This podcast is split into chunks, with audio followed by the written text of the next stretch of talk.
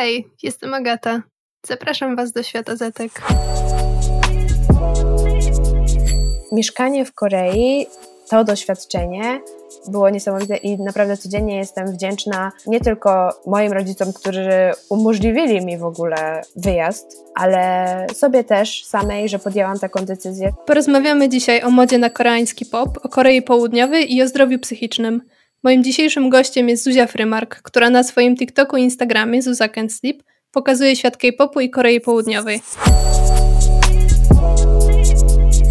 Powiedz mi na początek, Zuza, jakimi zaimkami się posługujesz? Posługuję się zaimkami ona, jej. To tak samo jak ja. Zacznijmy może od podstaw. Jak ty byś zdefiniowała koreański pop? Ja myślałam bardzo dużo tak naprawdę nad tym pytaniem, bo nie ukrywam, że często to pytanie się pojawia, czy to o, nawet od moich rodziców, czy od jakichś e, dalszych krewnych, którzy dowiadują się, że ja się interesuję K-popem i się pytają, no ale tak naprawdę czym jest ten K-pop? K-pop w tym momencie to jest już tak naprawdę lifestyle, to nie jest tylko gatunek muzyki, to jest wszystko to, co się dzieje dookoła, to jest również ten biznes, e, który jest tak niesamowicie dynamiczny. E, K-pop, no tak na chłopski rozum można by powiedzieć, że to jest po prostu koreański pop, ale to by było duże niedopowiedzenie i bardzo limitowałoby to, czym K-pop tak naprawdę jest. To jest jeden wielki przemysł muzyczny, który po prostu e, dzieje się w Korei już teraz nie tylko. E, jakby koreańskie agencje, koreańskie wytwórnie bardzo prężnie działają, żeby ten K-pop się rozszerzał na cały świat. No ale e, uznajmy po prostu, że jest to e, koreański pop, muzyka popularna w Korei. Znalazłam takie określenie w internecie, że to jest pop w krainie czarów. To by było bardzo słuszne określenie. E, K-pop narodził się na początku lat 90. ubiegłego wieku, kiedy boys band, popraw mnie jeżeli to źle wymawiam, Seo Tai and Boys Soteji. Seoteji and Boys. Mhm. Wystąpił w talent show w Korei Południowej. 20 lat później Gangnam Style przekroczył miliard wyświetleń, dzisiaj już ponad 4, a w 2019 roku girls band Blackpink pobił rekord w kategorii najlepszej premiery na YouTubie, zdobywając ponad 56 milionów wyświetleń w ciągu doby. Niedługo później BTS przebił ten wynik o 20 milionów. Powiedzieć, że K-pop odniósł globalny sukces to zdecydowanie za mało. Powiedz, kiedy ty pierwszy raz trafiłaś na K-pop i się nim zainteresowałaś? Ja pierwszy raz e, z K-popem miałam styczność wtedy, kiedy e, byłam w drugiej liceum, czyli to był rok 2016, o ile dobrze pamiętam. I pierwszy raz spotkałam się z określeniem w ogóle K-pop e, w internecie, bo ja zawsze, ja dorastałam w ogóle w internecie jako fanka, no tam począwszy od Justina Biebera, potem było One Direction, Five Seconds of Summer, no i najłatwiej było się porozumiewać z innymi fanami poprzez Twittera. E, ja na tym Twitterze właśnie pierwszy raz spotkałam się e, z terminem K-pop. I absolutnie wtedy mnie to nie interesowało. Mogę powiedzieć szczerze, że nawet mnie to denerwowało, że na mojej osi czasu, gdzie chciałam zobaczyć moich ulubionych artystów, widziałam artystów z Korei, o których nic nie wiedziałam, a było ich pełno. Po prostu ludzie zaczęli się interesować K-popem w tak krótkim czasie i tymi fanami K-popu są do dzisiaj, bo ja nadal obserwuję tych samych ludzi, co obserwowałam te 7 lat temu.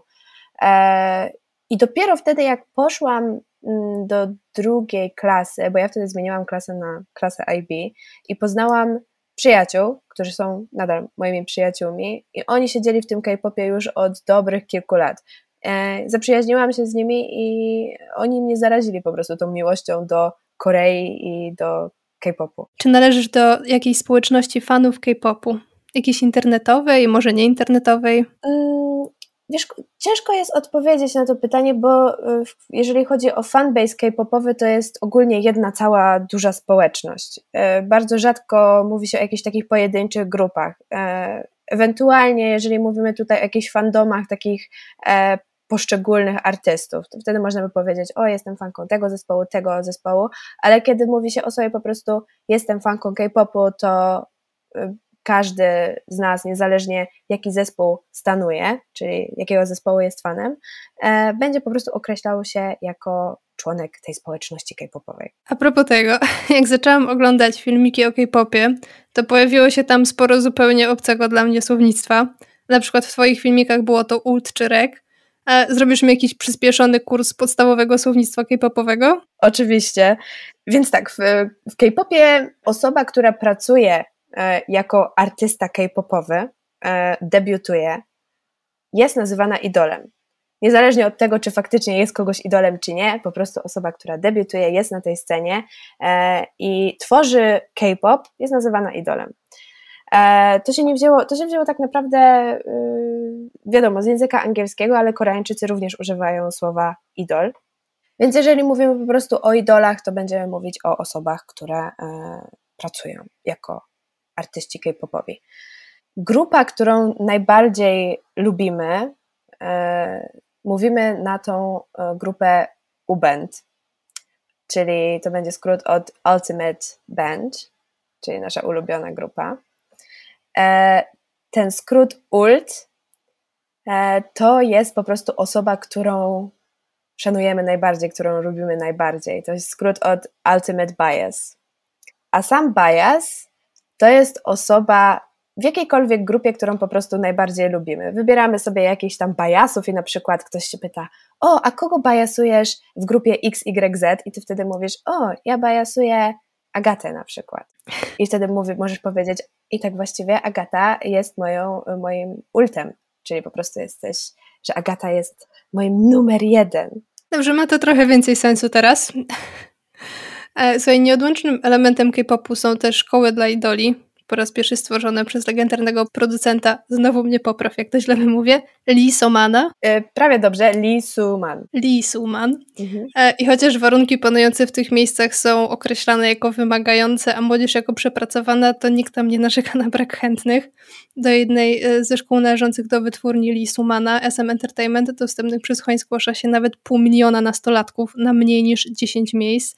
Jak ty i, i twoja społeczność, czy to przyjaciół, czy jakaś większa, odnosicie się do tych obozów przygotowania. Dla mam zapisane dla idoli, ale właściwie teraz to chyba już złe słowo, dla, dla gwiazd. Nie, dobrze, można powiedzieć, że to jest szkoła, która po prostu przygotowuje e, tych nastolatków, czy dzieci już nawet, bo w tym momencie e, chyba nie ma w ogóle wieku minimalnego, kiedy można zostać trainee, bo osoba, która e, dostaje się do wytwórni i ćwiczy, aby zostać idolem, aby zadebiutować, nazywa się ją trainee jest to nieodłączna część K-popu i to tak naprawdę już e, widać było od samego początku K-popu, bo tak jak powiedziałaś o samych e, Soteji and the Boys, oni zadebiutowali w 92 roku, o ile się nie mylę, e, roz, ich grupa rozpadła się w 96, no i wtedy Lee Suman zauważył, że faktycznie jest potencjał w tym, mimo tego, że e, on sam jego firma nie miała zbyt dużo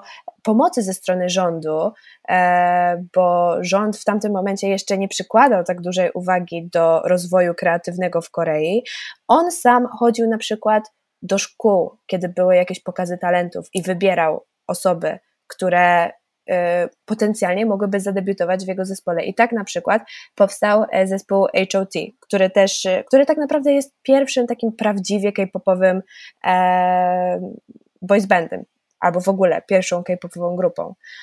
E, I już rok później, kiedy zadebiutował pierwszy girl group, również z SM Entertainment e, o nazwie SES, to już wtedy były osoby, które przechodziły takie castingi i które były tymi trainee.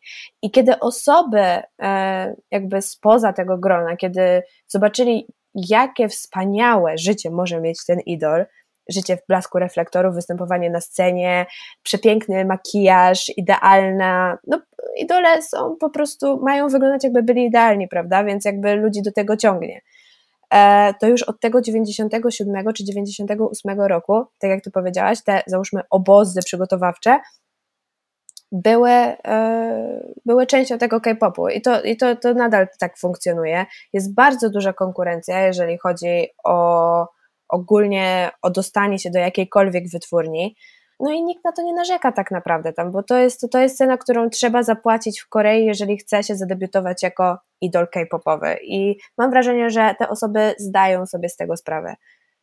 Najbardziej smutną rzeczą jest to, kiedy widzi się osoby, które trenują po na przykład 8-9 lat i tak naprawdę przeznaczają na te treningi całe swoje młode życie, a potem nie debiutują.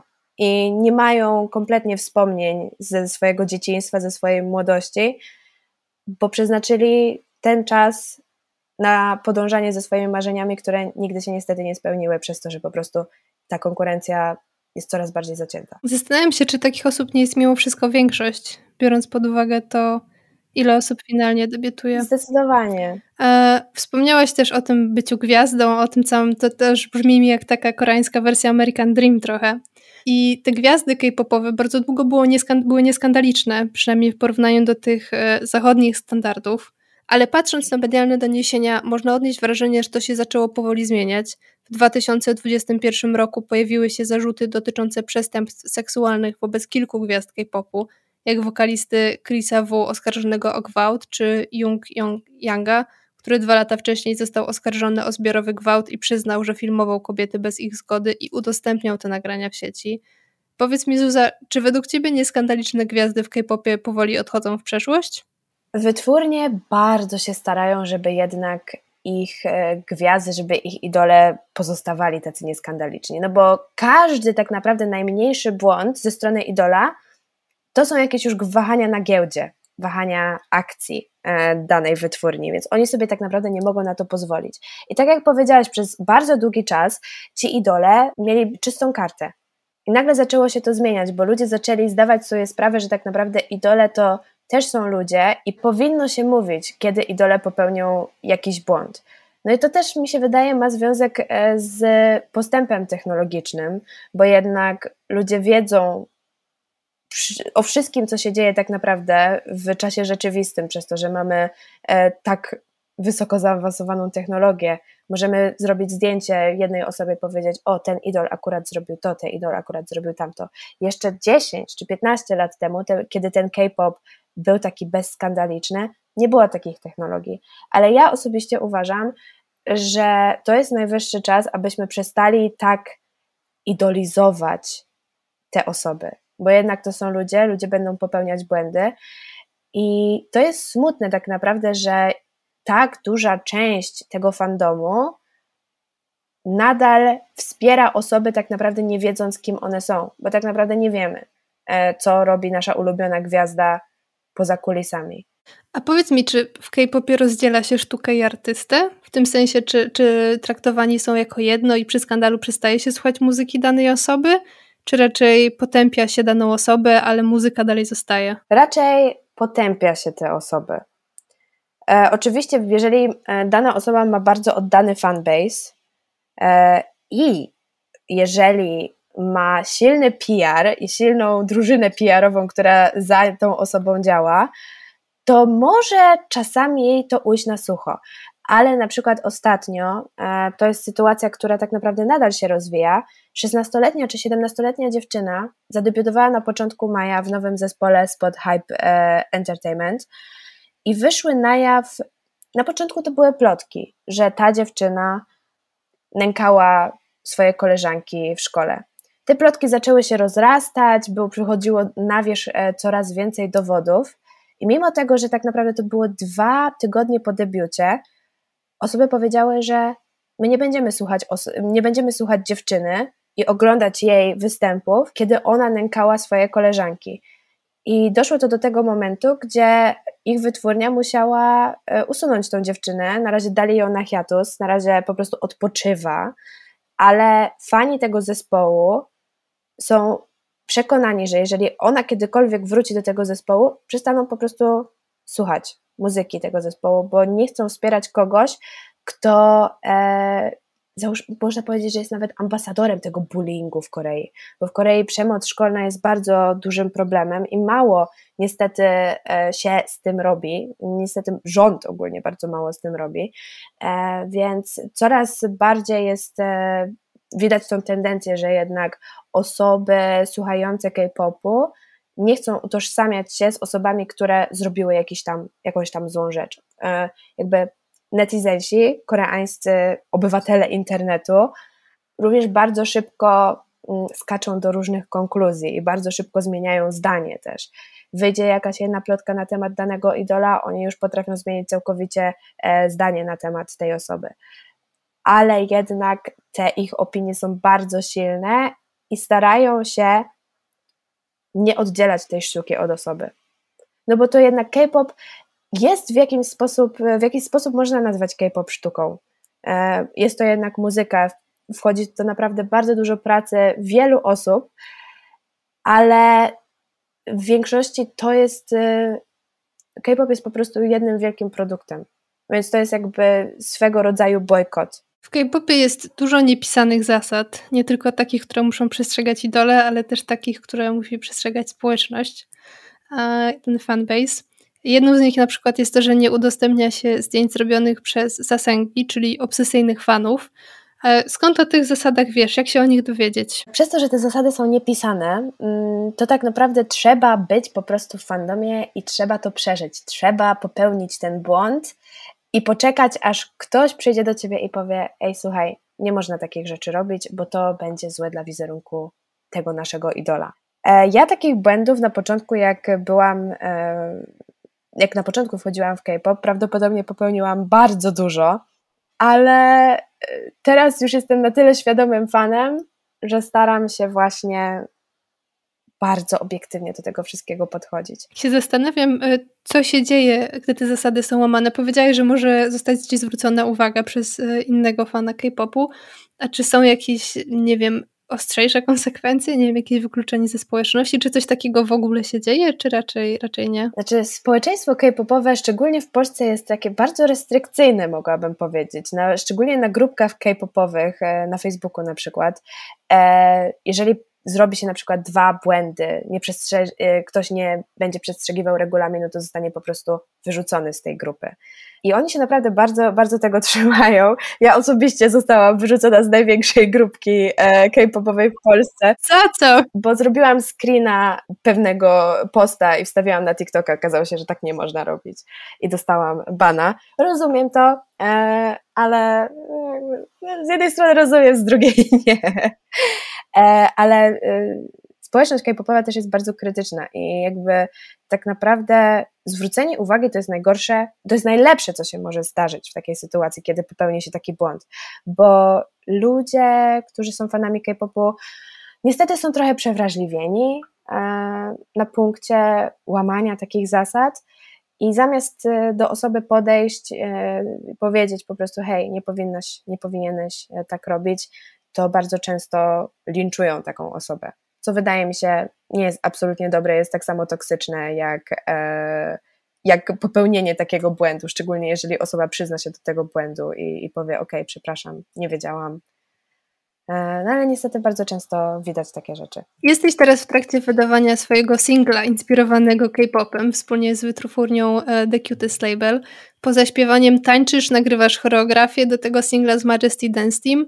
E, jak poważnie podchodzisz do swojej kariery wokalistki? Wiążesz z tym jakieś kolejne plany? Dla mnie zawsze muzyka była moją największą pasją i takimi malutkimi kroczkami dążyłam do tego momentu, w którym jestem teraz tak naprawdę. Niestety, czy stety może, e, nie podjęłam tej decyzji, że stawiam wszystko na jedną kartę. Poszłam na studia, bo chciałam mieć wykształcenie, chciałam pojechać do Korei, bo w Korei byłam przez rok na wymianie e, językowej. Wróciłam do Polski przez COVID-a, e, tak jak wielu z nas, e, którzy studiowali za granicą. Wróciłam do Polski do covid i tak naprawdę podczas tej pandemii zaczął mi się rozwijać TikTok i zobaczyłam, że e, mam taką platformę i dzielę się tam moją pasją do Korei, do K-popu, ale również chciałam pokazać to, co kocham najbardziej, czyli, czyli śpiewać, tworzyć, I takimi małymi kroczkami do tego dążyłam. A teraz no, moje największe marzenie się spełnia, więc ja jak najbardziej serio myślę o mojej karierze muzycznej e, i mam nadzieję, że po ujawnieniu tego singla e, pójdzie, pójdzie wszystko do przodu, bo tak naprawdę to mi sprawia niesamowitą satysfakcję i mimo tego, że jestem bardzo zajęta teraz, bo tak jak sama powiedziałaś, tworzona jest choreografia, tańczę, śpiewam, piszę teksty i burza mózgów jest po prostu przez cały czas, żeby stworzyć coś e, o super jakości, to ja uwielbiam to robić. I nieważne, jak długo będę na nogach i będę to robiła, dla mnie to jest po prostu niesamowita satysfakcja, że idę spać i sobie myślę, odwaliłaś teraz kawał dobrej roboty, Zuza, do po prostu e, dążenia za swoim marzeniem największym. Super się słucha osoby, która jest tak zajarana czymś, co robi. Gratulacje. Gratulacje z powodu bardzo. tego wszystkiego. E, wspomniałaś o wyjeździe do Korei. Wiem, że w 2016 roku, kiedy pierwszy raz zaczęłaś się interesować K-popem, zaczęłaś się też uczyć koreańskiego. Dwa lata później pierwszy raz pojechałaś do Korei z przyjacielem. Na trzecim roku studiów wyjechałaś tam na rok. Uczyłaś się na e, Seoul National University do czerwca 2021 roku. I powiedz mi, jak ci się żyło w Korei? Ja bardzo często określam mój pobyt w Korei jako najlepsze wakacje mojego życia, bo mimo tego, że byłam tam na studiach i codziennie chodziłam na zajęcia, to nie jest tak, że ja nie chodziłam na zajęcia. Zajęcia miałam od godziny 9 do 13 i potem Fajrant. Więc ja e, zwiedziłam Koreę i mogłam żyć tym życiem koreańskim tak naprawdę w pełni. No, oczywiście tutaj pomijam te wszystkie restrykcje, które e, weszły w życie e, po tym, jak zaczęła się pandemia, ale życie w Korei było naprawdę niesamowite i bardzo za nim tęsknię. Różni się to od życia w Warszawie, czy od życia w Londynie, czy w, jakim, w jakimkolwiek innym mieście diametralnie. Korea jest o tyle specyficznym miejscem, że mimo tego, że jest e, tam taki, nie chcę powiedzieć wyścig szczurów, no ale każdy wie, jak, jak każdy słyszał kiedyś, jak e, w Korei się pracuje, że ludzie tam są przepracowani, nie płacą im za nadgodziny, e, uczniowie się uczą od 7 do 22, 23, żeby osiągnąć jak najlepsze wyniki w nauce i tak dalej, i tak dalej. Słyszy się takie rzeczy, to by się człowiek pomyślał, że totalni nudziarze są z tych Koreańczyków, prawda? Ale absolutnie tak nie jest. Życie nocne ogólnie w Korei to jest temat na zupełnie inną rozmowę. E, a poza tym Koreańczycy są, e, poza tym, że są zabawowi, to są w większości, mogłabym powiedzieć, że są dość inteligentnym narodem tak ogólnie rzecz biorąc, więc można z nimi naprawdę fajnie porozmawiać. Jest tam również bezpiecznie bardzo, więc ja jako kobieta nie bałam się e, wrócić do domu o na przykład drugiej, trzeciej w nocy sama pieszo. E, nawet jak mogłam iść dwa kilometry, to nie bałam się o swoje zdrowie czy o swoje życie. Więc naprawdę mieszkanie w Korei, to doświadczenie było, było niesamowite i naprawdę codziennie jestem wdzięczna E, nie tylko moim rodzicom, którzy umożliwili mi w ogóle mm, wyjazd, ale sobie też samej, że podjęłam taką decyzję, że, że e, wzięłam się w garść e, i wyjechałam sama do tak obcego kraju chciałabym wrócić w czasie i przeżyć to jeszcze raz. Po prostu to, to naprawdę jest niesamowite i ciężko jest to opisać słowami. To trzeba po prostu przeżyć. A myślałaś, żeby się tam przeprowadzić na stałe? Myślałam, żeby wrócić do Korei, tak. E, I miałam taki plan, żeby właśnie pojechać e, do Korei we wrześniu tego roku. Ale to było przed tym, kiedy zaczęłam pracę nad singlem, kiedy The Cutest Label wzięło mnie pod swoje skrzydła. E, bo tak naprawdę dawałam sobie taką ostatnią szansę już tutaj przez te wakacje. Jeżeli z tą muzyką nic by nie, nie wyszło, to pakuję walizy i wyjeżdżam do Korei, bo po prostu tam jestem e, bardzo szczęśliwa. Bardzo dobrze się tam czuję i e, uznałam, że no to jest właściwy czas. Jeżeli nie, nic mnie tutaj tak naprawdę w Polsce nie trzyma, to dlaczego nie, nie, nie zrobić tego kroku jeszcze raz? Ale e, priorytety się troszkę pozmieniały i myślę, że życie w Korei może jeszcze trochę, trochę poczekać. Myślę, że nic się nie stanie e, z Koreą ale przez te kilka lat. Planujesz docelowo się tam przeprowadzić za kilka lat? Nie planuję tam żyć na zawsze. Chciałabym tam, jeżeli to będzie możliwe, bardzo chciałabym tam jeździć kilka razy w roku na przykład. E, wiem, że to brzmi dość y, zabawnie, bo jednak to jest kraj na drugim końcu świata, ale jeżeli jest to możliwe, to bardzo bym chciała tam pojechać na na przykład y, dwa tygodnie w, w każdej porze roku na przykład. Ale nie wyobrażam sobie tam życia jako dorosła osoba, założenia tam rodziny i po prostu życia. Dlaczego nie? Nieważne jak będziesz dobrze mówiła po koreańsku, nieważne jak będziesz bardzo chciała się zasymilować, zawsze będziesz e, obcokrajowcem.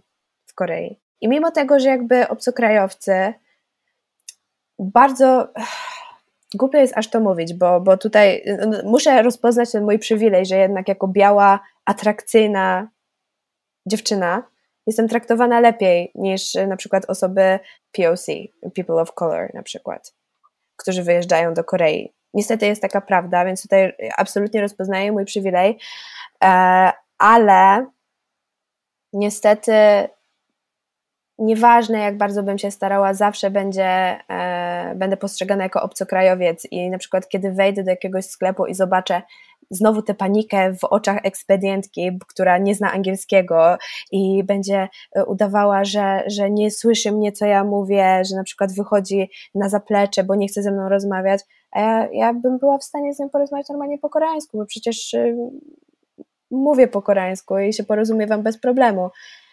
E, Gdybym miała doświadczać takich sytuacji codziennie, to wydaje mi się, że czułabym się bardzo nie tyle, że odczłowieczona, ale czułabym się po prostu przez cały czas inna, a nie lubię się czuć inna w taki sposób, że po prostu ludzie ode mnie uciekają. Mhm. Jak taki wyrzutek w społeczeństwie. Jak taki wyrzutek, dokładnie. Oczywiście są Koreańczycy, tutaj nie mówię, nie, nie generalizuję absolutnie, e, bo są Koreańczycy również, którzy e, nie traktują osób którzy nie są Koreańczykami w inny sposób. Ja się spotkałam z kilkoma po prostu takimi incydentami, które mnie utwierdziły w tym, że naprawdę nieważne jak długo będę w tej Korei, to zawsze znajdzie się osoba, która e, będzie uważała mnie za osobę, która tam na przykład być nie powinna. Wspomniałaś, że e, mówisz płynnie po koreańsku. Doczytałam na Twoim profilu, że jesteś na szóstym poziomie zaawansowania, ale zupełnie nic mi to nie mówi. Chciałabyś mi opowiedzieć może trochę o poziomach koreańskiego? Tak, pewnie. Um, ogólnie poziomy w koreańskim są od 1, y, czyli podstawowy, do 6. I one tak samo dzielą się naprawdę jak na przykład w języku angielskim, czyli A1, A2, B1, B2, C1, C2, tylko że tam po prostu w języku koreańskim jest od 1 do 6. Ja skończyłam e, swoją naukę koreańskiego właśnie na SNU na poziomie szóstym Teraz niestety na tym szóstym poziomie już nie jestem, bo minęły dwa lata prawie od kiedy wyjechałam z Korei. E, no i po prostu zapomina się, się tego języka. E, szczególnie kiedy mieszkam w Polsce i tutaj nie mam zbytnio znajomych, e, z którymi mogę porozmawiać po koreańsku. No ale ten poziom szósty to tak naprawdę już jest najbardziej zaawansowany poziom w nauczaniu języka koreańskiego, do jakiego można dotrzeć. A dlaczego zaczęłaś się uczyć koreańskiego po raz pierwszy? Ze względu na K-pop, czy może już z myślą o wyjeździe do Korei? Nie, ja absolutnie wtedy nie myślałam w ogóle o wyjeździe do Korei. Na samym początku e, ja po prostu byłam strasznie sfrustrowana, że oglądałam te wszystkie koreańskie programy telewizyjne z moimi idolami i nie mogłam nic zrozumieć. Zawsze mnie to frustrowało, E, ja się zaczęłam w ogóle uczyć języka koreańskiego dość szybko, bo ja się zainteresowałam K-popem w październiku, a w styczniu już byłam zapisana na zajęcia do takiej szkółki językowej w Gdańsku. Wcześniej zaczęłam e, uczyć się sama alfabetu, ale ja zawsze tak naprawdę nie ciągnęło do języków i w językach czułam się najpewniej. Nawet w szkole po prostu z języków miałam jakieś tam najlepsze oceny. E, I fascynowało mnie to po prostu a szczególnie jeżeli chodzi o język koreański, bo mm, w tym języku widać bardzo dobrze, jak kultura oddziaływuje na lingwistykę, jakby, że to jest po prostu takie oddziałowywujące na siebie. Wiem o co ci chodzi, ale ciężko mi to, że są bardzo dobrze połączone, że jedno się przekłada na drugie w tym sensie. Dokładnie. A podasz jakiś przykład? W języku polskim mamy też taką strukturę, że mówimy, czy pani by chciała spróbować na przykład. I w języku koreańskim, przez to, że jest to społeczeństwo zbudowane na wartościach konfucjańskich, to tam jest bardzo ważna zasada senioratu. Czyli osoba, która jest starsza, na wyższym stanowisku niż ty, lub po prostu posiada większą wiedzę, e, albo po prostu jej nie znasz, to w zależności od tego, z kim rozmawiasz i na jakim poziomie jest ta osoba, będziesz do tego um, uzależniać sposób, w jaki mówisz. Tylko, że tam nie mają tylko proszę pani, proszę pana, tylko możesz sobie pomyśleć, że jeżeli mówiłabyś e, na przykład do prezydenta albo do jakiejś po prostu bardzo ważnej osoby w twoim otoczeniu, to byś powiedziała, e, szanowny panie, majestacie największy, czy pan już był, zasiadł do posiłku cudownego, coś tam, coś tam. I te zdania, po prostu im e, wyższy jest poziom tego, tej honoryfikatywności, tym wydłużają się zdania. Czyli na przykład ja do kolegi, koleżanki, żeby zapytać się, hej, jadłaś już coś, bo oni bardzo często się w Korei witają właśnie, e, nie pytają się tak jak my mówimy, hej, co tam, e, jak spotyka się kogoś, tylko się witasz z kimś, że hej, jadłeś już coś, to do koleżanki powiem pap mogossa, a do e, osoby, która jest wysoko postawiona, to bym powiedziała, czy lunch pan zjadł, naj, najwyższy majestacie, to bym powiedziała, 점심을 드셨습니까? Takie, wiesz, po prostu czuć aż Ważne, powagę, długie, tak. aż się ton zmienia, jak to mówisz.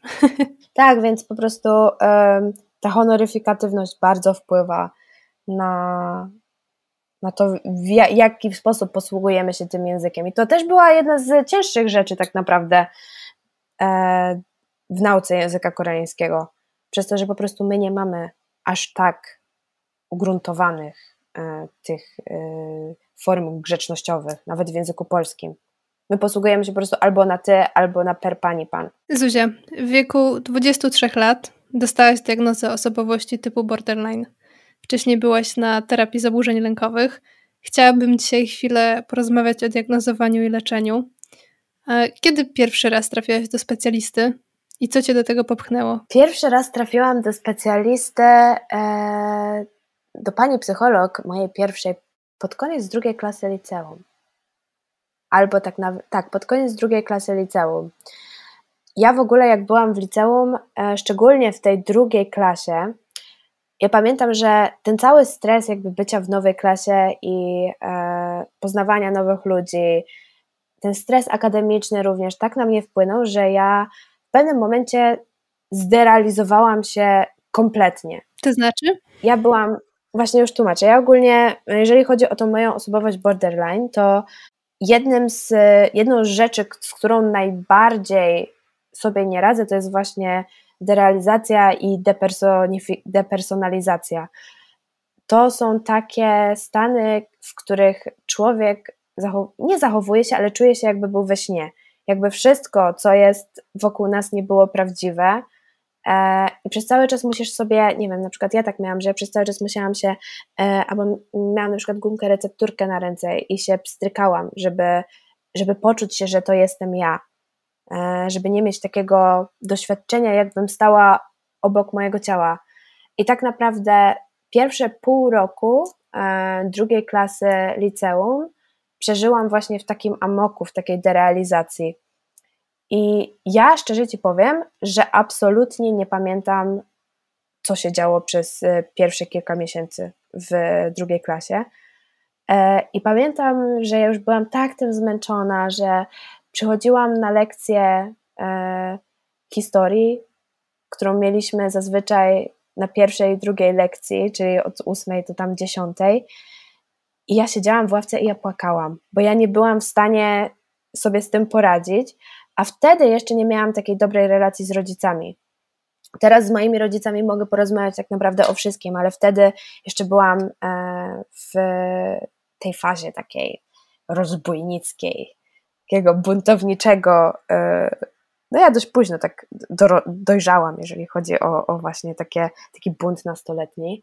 Wtedy z rodzicami w ogóle nie rozmawiałam na ten temat, ale e, pamiętam, że była taka, taki jeden dzień, kiedy ja wróciłam do domu po szkole i ja po prostu się położyłam na ziemi i, i płakałam. I moja mama wtedy zauważyła, że jakby okej, okay, coś jest nie tak, coś ja idziemy do psychologa. Poszłam do tego psychologa, ale y, ciężko mi było się bardzo otworzyć, bo to była zupełnie nowa y, sytuacja dla mnie. I ja tak naprawdę zrzuciłam wszystko na to, że ja się stresuję szkołą że ja już w drugiej klasie muszę zdać ustną maturę z polskiego, że ja tego nie potrafię i że, że ja nie dam rady. No i y, z panią psycholog tłukłyśmy ten temat tego, że ja się stresuję szkołą, ale ja nie potrafiłam się otworzyć, nie potrafiłam powiedzieć wtedy tej pani, że e, czasami nie chce mi się po prostu żyć. już w, w tamtym momencie. I to tak naprawdę dla tego psychologa powinien być już taki pierwszy, pierwszy gwizdek e, ostrzegawczy, że tak powiem, e, gdybym to powiedziała oczywiście, że to, są, że to nawet nie były te stany depresyjne, e, znaczy nie, to były stany depresyjne, ale po prostu, że ja też miałam jakby wahania nastroju, które są bardzo często utożsamiane z osobowością typu borderline. No wiadomo, nie powiedziałam tego nikomu i sama się podniosłam z tego wszystkiego. Dałam, wzięłam się w garść. Ja ci, o matko, ja wiem, że to będzie w internecie, ale powiem ci jedną rzecz. Na wakacjach właśnie między drugą i trzecią klasą liceum nadal było beznadziejnie nadal się czułam po prostu okropnie, nie miałam absolutnie, jakby moje poczucie własnej wartości było niżej niż podłoga. Ja musiałabym tak z dwa metry wykopać e, w ziemi, e, jakbym miała ci powiedzieć, jak ja się czułam wtedy. Ale potem poszłam do trzeciej klasy liceum i e, była jedna osoba, dla której po prostu chciałam się starać, żeby ładnie wyglądać, żeby po prostu być E, żeby być w tej szkole, żeby do niej chodzić. No i e, ta osoba, na której po prostu, który, który mi się bardzo podobał, e, ten chłopak, on mnie bardzo zmotywował do tego, że po prostu, że, że ja chcę być w tej szkole. I on pewnie o tym nie wie i pewnie się nie dowie nigdy, ale bardzo mi w tamtym momencie pomógł. Jakby był takim takim, takim promyczkiem takiego, takiej, nadziei, że jakby że mam do czego dążyć, bo wtedy to była jeszcze taka, taka sytuacja, że okej, okay, matury, ale po co, jak ja, jak ja nie mam siły, jak ja nie wiem, czy ja dożyję w ogóle, ale była ta osoba i ja tak sobie myślałam, a okej, okay, dobra, to dzisiaj ubiorę ładną spódniczkę, pomaluję się i pójdę, pójdę do szkoły. No, tak to wyglądało, długa historia. Słuchaj, a jak było tak źle, to czy znajomi mogli coś zrobić, żeby ci pomóc? Czy, czy jest coś, co mogłoby się wydarzyć, żebyś poczuła się lepiej? Poza tym, o czym już wspomniałaś, czyli o, o, o tym, że twoja mama podjęła działanie e, o tajemniczym chłopaku, który, który nieświadomie ci pomógł właściwie. No tak naprawdę moi znajomi, yy, którzy byli najbliżsi dla mnie w tamtym momencie, bardzo też mi pomagali. Oni wiedzieli, co się dzieje, bo to były osoby, którym ja mówiłam. I one przez cały czas ze mną były, i to chyba było najważniejsze w tym wszystkim, że ja nie oczekiwałam od nich niczego oprócz zrozumienia, że ja mogę mieć jakiś gorszy dzień i na przykład nie odpiszę komuś przez kilka dni na Facebooku. Bo były też osoby, które po prostu tego nie rozumiały i w wieku tych, e, w wieku 18 lat, e, wiadomo, nie odpisujesz mi, koniec naszej przyjaźni, e, koniec. Ale te osoby, które rozumiały, były bardzo wyrozumiałe dla mnie i dla mojego stanu. I to jest więcej y, niż mogłabym kogokolwiek o cokolwiek prosić. I wydaje mi się, że to jest bardzo ważne, żeby po prostu być dla tych osób, nieważne, nieważne co, które przez cokolwiek przechodzą. Bo ja nie oczekiwałam absolutnie żadnych miłych słów czy porad, jak sobie mam z tym poradzić, tylko po prostu kiedy napisałam hej, dzisiaj mam gorszy dzień, to po prostu jeżeli usłyszałam od mojego przyjaciela, od mojej przyjaciółki zdanie, że jestem tu dla ciebie, to to było więcej niż, e, niż wystarczające, żeby, żeby poczuła się, że nie jestem w tym tak naprawdę sama. W trzeciej liceum e, podniosłaś się. A jak to wyglądało potem na studiach? Z wyprowadzką z domu, przeprowadziłaś się przecież do Londynu daleko. Byłaś tam e, nie chcę powiedzieć sama, bo podejrzewam, że nie, ale jednak z dala od takich e, systemów bezpieczeństwa, które czasami sobie wypracowujemy w rodzinnym domu. Jak to tam wyglądało? Ja pierwszy rok studiów byłam niesamowicie podekscytowana w ogóle tym całym życiem nowym, które na mnie czekało.